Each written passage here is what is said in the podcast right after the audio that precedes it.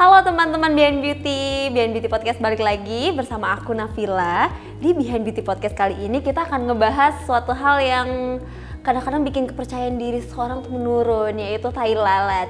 Ini pasti aku nggak sendiri, aku bersama Dr. Aima Yunita Amir di samping aku nih. Halo dok, apa kabar? Hai, alhamdulillah baik. Kamu Alhamdulillah. sendiri gimana? Alhamdulillah baik selalu ya. Kalau di plastik klinik aku baik terus, soalnya selalu dikasih imun booster. Jadi harus selalu sehat gitu ya. Oh iya, oh iya dok. Kita kan kali ini mau ngebahas tentang eh, tai lalat nih dok. Mungkin ada beberapa orang yang eh, punya tai lalat dan munculnya di bagian-bagian yang terekspos gitu, kelihatan. Jadi eh, bisa jadi menurunkan kepercayaan diri mereka gitu dok. Bahkan ada artikel yang bilang kalau tai lalat itu bisa menjadi kanker kan serem banget ya dok ya. Tapi kita bahas itu nanti dok. Eh, sebelum itu aku mau nanya dulu nih dok. Eh, Sebenarnya muncul tai lalat itu karena apa sih dok? Kalau untuk penyebab munculnya sendiri seka- sekarang tuh belum diketahui secara pasti. Tapi faktor yang paling utama biasanya itu yang aku baca diakibatkan oleh genetik. Jadi apabila ibu eh, atau bapaknya punya banyak tai lalat, kemungkinan anaknya pun eh, seperti itu. Nah, yang kedua bisa jadi juga akibat paparan sinar matahari yang terlalu lama. Itu juga bisa menyebabkan eh, munculnya tai lalat. Seperti itu. Balik lagi berarti sunscreen itu penting dok. Eh bisa pakai sunscreen berarti ya dok ya untuk bisa untuk mencegahnya. Untuk mencegahnya bisa juga kita pakai sunscreen. Nah untuk eh, sebelum kita lebih lanjut nih tai lalat tuh sebenarnya apa sih? Nah tai lalat itu adalah kumpulan melanosit. Melanosit sendiri adalah eh, zat yang mewarnai eh, kulit. Nah kalau misalnya dia berkumpul pada satu bagian tertentu itulah yang menyebabkan terjadinya tai lalat. Hmm, tapi tai lalat itu sebenarnya kayak daging gitu dok? Apa kumpulan kulit gitu? Kulit yang tebel? kumpulan melanosit tadi. Dia Oh, bukan kulit bukan daging tapi eh, kayak zat-zat gitu yang mewarnai kulit. Harusnya kan dia tersebar nih di warna kulit. Kenapa warna kulit eh, seseorang ada yang lebih gelap ada yang lebih cerah? Itu tergantung jumlah melanosit yang ada di kulit kita. Nah kalau misalnya si melanositnya ini terkumpul nih misalnya di bagian eh, jidat atau di bagian lengan gitu itu yang akan men- eh, menimbulkan yang biasanya kita bilang tai lalat Oh gitu. Oh makanya ada orang yang punya tai lalat dari lahir itu tandanya genetik ya dok ya. Tapi kalau misalnya tai lalatnya muncul baru sekarang-sekarang ini nih pas dewasa gitu. Aku juga sebenarnya ada sih bagian tubuhku yang tiba-tiba muncul tai lalat gitu dok. Itu berarti kemungkinannya karena matahari ya dok ya. Ya, bisa Sinar juga. UV berarti ya gitu. Eh, selain dari sinar UV itu apa dok? Ada nggak sih dok? Kalau sejauh ini sih yang aku baca yang Hmm. memang paling berperan besar itu ya di sinar matahari sih Hmm. dan genetik juga. Nah selebihnya itu masih belum diketahui secara pasti. Mm-mm. Kalau dari faktor konsumsi makanan tuh ngaruhi nggak dok? Hmm, itu kecil banget sih kemungkinannya, kemungkinan yang bisa menyebabkan jadinya tai lalat mau konsumsi makanan atau minuman eh, tertentu itu masih kecil banget kemungkinannya. Belum ada penelitian yang lebih lanjut lagi mengenai hal itu. Hmm, tuh bu- buat teman-teman Behind Beauty Podcast mungkin tuh harus lebih rajin lagi pakai sunscreennya ya, jangan sampai di skip sunscreen itu. Oh ya dok, yang tadi aku udah bilang sebelumnya ya kalau ada artikel yang bilang kalau tai lalat itu bisa eh, menjadi kanker. Bener nggak sih dok? Itu kan bahaya banget berarti ya dok ya kalau kanker ya. Umumnya tai lalat yang normal itu eh, ukurannya itu tidak terlalu besar. Paling kurang dari 5 cm lah dan dia itu tidak eh, berubah bentuknya. Nah kan bentuknya tuh biasanya tai lalat yang normal itu ya eh, ada warnanya agak kehitaman atau kecoklatan atau bahkan yang warnanya menyerupai warna kulit aslinya. Oh ada juga ya dok? Hmm, ada juga yang kayak gitu. Bisa juga dia uh, ada rambutnya juga ada di situ. Nah, kalau misalnya ternyata uh, semakin seiring berjalannya waktu ada uh, tai lalatnya nih makin membesar, terus ada perubahan warna, terus disertai dengan adanya gatel, kadang itu ada kayak uh, perdarahan di situ. Itu bisa jadi tanda-tanda keganasan, yaitu kanker kulit. Jadi kalau misalnya temen-temen nih ada uh, keluhan seperti itu di tai lalatnya, bisa langsung segera ke dokter untuk dilakukan biopsi. Biopsi itu jadi kita lihat secara uh, mikroskopik sebenarnya uh, tai lalatnya ini uh, normal-normal aja atau memang ternyata menjurus ke keganasan. Hmm, gitu berarti harus dicek. Itu perubahan warnanya kayak gimana sih dok maksudnya? Perubahan warna kan yang tadi aku bilang kayak normalnya itu sebenarnya coklat atau kehitaman atau juga bisa menyerupai warna kulit. Nah kalau misalnya ternyata dia dalam satu tai lalat itu bentuknya nih irregular, nggak eh, berbatasnya tuh nggak tegas, tapi kayak i- apa ya kayak nggak jelas bentuknya terus ada warnanya tuh eh, beda-beda ada tiga warna dalam satu tempat dan terus dia menimbulkan misalnya harus disertai juga tuh kayak ada gatel ada perubahan bentuk dari yang tadinya kecil jadi tiba-tiba besar itu juga eh, wajib diwaspadai Atau gitu. Muncul darah gitu nggak sih dok? Mm-mm, Keluar darah. Oh muncul itu darah. juga termasuk ciri-cirinya dok berarti ya? Gitu. Apalagi kalau misalnya ada eh, di keturunan kita nih misalnya di ibu, bapak atau kakek nenek ada juga yang mengalami kanker kulit. Jadi harus lebih waspada lagi ya teman-teman.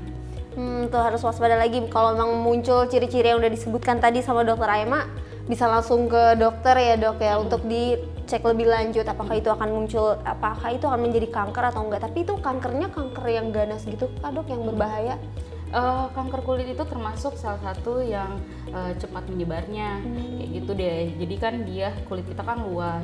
Kalau misalnya dia menyebar terus dia masuk ke dalam, apalagi kalau masuknya tuh eh, menyebarnya tuh ke kanker eh, ke daerah-daerah yang organ penting nih. Organ penting dia akan metastasis namanya.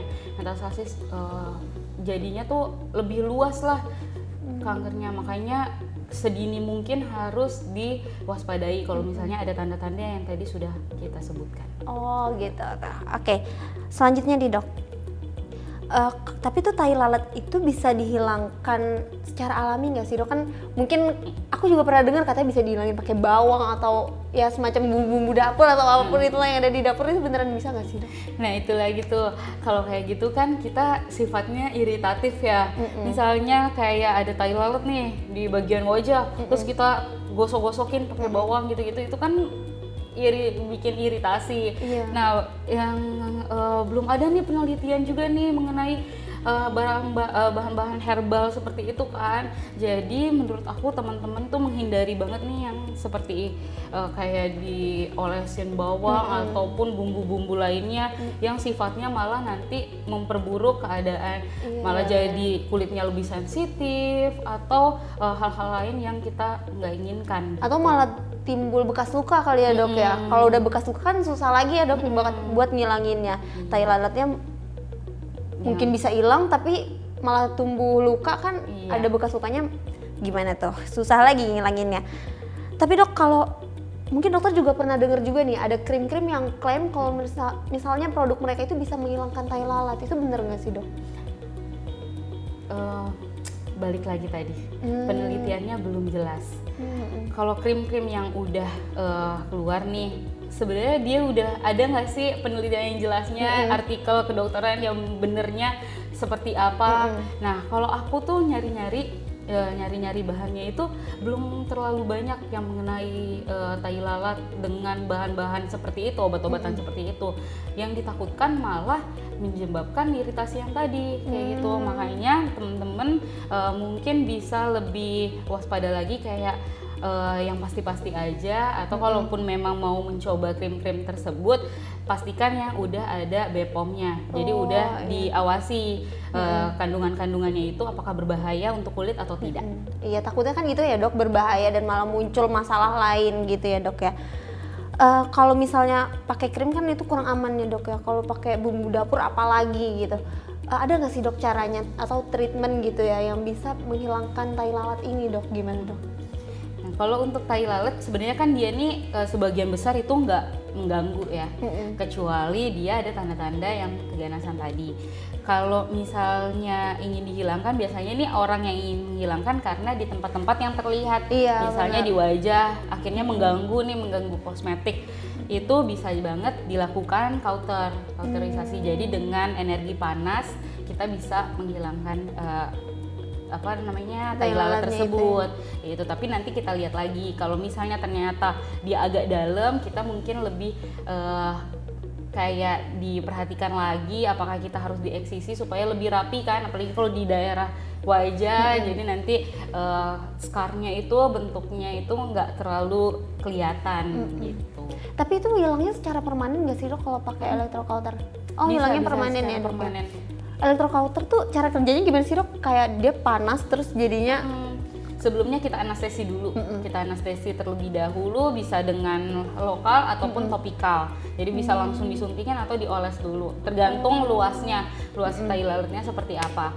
Nah, habis itu kita menggunakan eh, energi panas, energi panas untuk eh, meng- menginsisi. Jadi kayak di di tipis gitu, tipis-tipis bagian yang eh, tai lalat tersebut. Biasanya kan ada tai lalat yang menonjol kan. Iya, nah, menonjol itu kan lebih eh, nggak nyaman gitu ya, lebih mengganggu kosmetik itu yang biasanya teman-teman sekalian tuh pengen dihilangkan tuh yang seperti itu. Jadi yang menonjolnya itu kita kikis, kikis nanti sampai sama rata dengan warna kulit, sampai udah nggak ada lagi, baru abis itu eh, nanti kita oleskan eh, salep supaya mencegah iritasi yang dipakai kurang lebih 3 sampai satu minggu.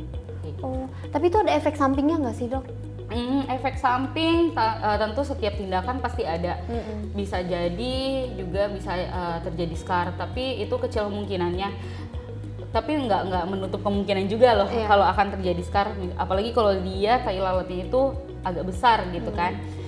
Nah, terus bisa terjadi kemerahan pasca pasca tindakan itu juga kan namanya kita melakukan energi panas di situ bisa terjadi kemerahan ataupun agak bengkak ya tanda-tanda seperti itu sih tapi yang bisa diobatin dengan krim yang nanti kita akan resepkan Hmm, itu berapa lama kira-kira dok me- kemerahannya atau bengkaknya itu dok? sampai dengan bisa 3 sampai 7 hari setiap orang tuh berbeda-beda sih Hmm, nggak lama ya, nggak sampai sebulan gitu.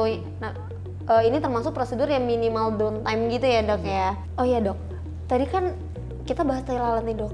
Tai lalat itu eh, sama tanda lahir itu sama nggak sih dok? Oke, tanda lahir itu ada dua nih jenisnya. Ada yang berupa kelainan pada pigmen, yaitu termasuk salah satunya itu tai lalat nih. Jadi pigmennya berkumpul di satu tempat, jadi menyebabkan tai lalat. Nah, yang satu lagi itu bisa disebabkan karena kelainan pembuluh darahnya, kayak gitu. Jadi eh, terjadi perubahan warna di kulit karena pembuluh darahnya. Hmm. Kalau misalnya tanda lahir sendiri itu bisa dihilanginnya bisa dihilangin apa enggak dok? Bisa, bisa Oh bisa. Pakai apa nih dok? dengan elektrokauter itu nggak bisa ya. Oh, itu nggak bisa ya. nggak bisa. Eh, kalau elektrokauter itu lebih ke tai lalat. Nah kalau misalnya yang diakibatkan oleh eh, pembuluh darah, yang karena pembuluh darah itu bisa dibantu dengan laser, tindakan laser. Tapi memang yang perlu teman-teman ingat ketika kita melakukan tindakan seperti eh, treatment laser kayak gitu harus butuh banget kesabaran. Kesabaran dari teman-teman sekalian. Karena bisa jadi itu lebih dari tiga kali treatment atau bahkan ada yang bisa sampai berulang-ulang kali nanti dia akan eh, memudar kayak gitu. Jadi bener-bener teman-teman tuh harus sabar banget eh, untuk menghilangkan tanda lahir tersebut. Hmm, nggak bisa sekali langsung hilang gitu ya dok. Namanya juga kalau sekali hilang takutnya kulitnya malah kenapa-napa malah ya dok ya. Oh iya dok. Kadang kan tai lalat itu ada yang di mata itu dok. Kalau itu berbahaya nggak sih dok Kalau misalnya tadi nggak ada tanda-tanda yang menjurus ke ke, ke- keganasan, maaf, itu tuh sebenarnya eh, nggak ter- nggak berbahaya, tapi memang mengganggu kosmetik dari teman-teman sekalian. Apalagi kalau misalnya ternyata tai lalat itu sampai menutup eh, di mana kita tuh untuk proses melihat gitu kan. Kalau misalnya ada di kelopak banget itu kan bisa jadi menutupi eh, visual kita ya. Oh iya, Itu mungkin sih, bisa dilakukan pengangkatan dari eh, tai lalat tersebut. itu bisa pakai electrocauter juga dok kalau di bagian mata Bisa sebenarnya, cuman kalau misalnya di situ kan lebih lebih eh, Rawan ya, Dok? lebih rawan. Tapi dilakukannya juga dengan teknik electrocauter, tapi mungkin dengan teknik yang eh, dari dokternya itu mencegah banget supaya Hmm. nggak kena di bagian dalam. oh iya harus lebih hati-hati lah dok Hmm, tapi tetap bisa ya dok hati-hati. ya nah itu dia behind beauty podcast. Kali ini itu tadi pertanyaan terakhir dari kami dok.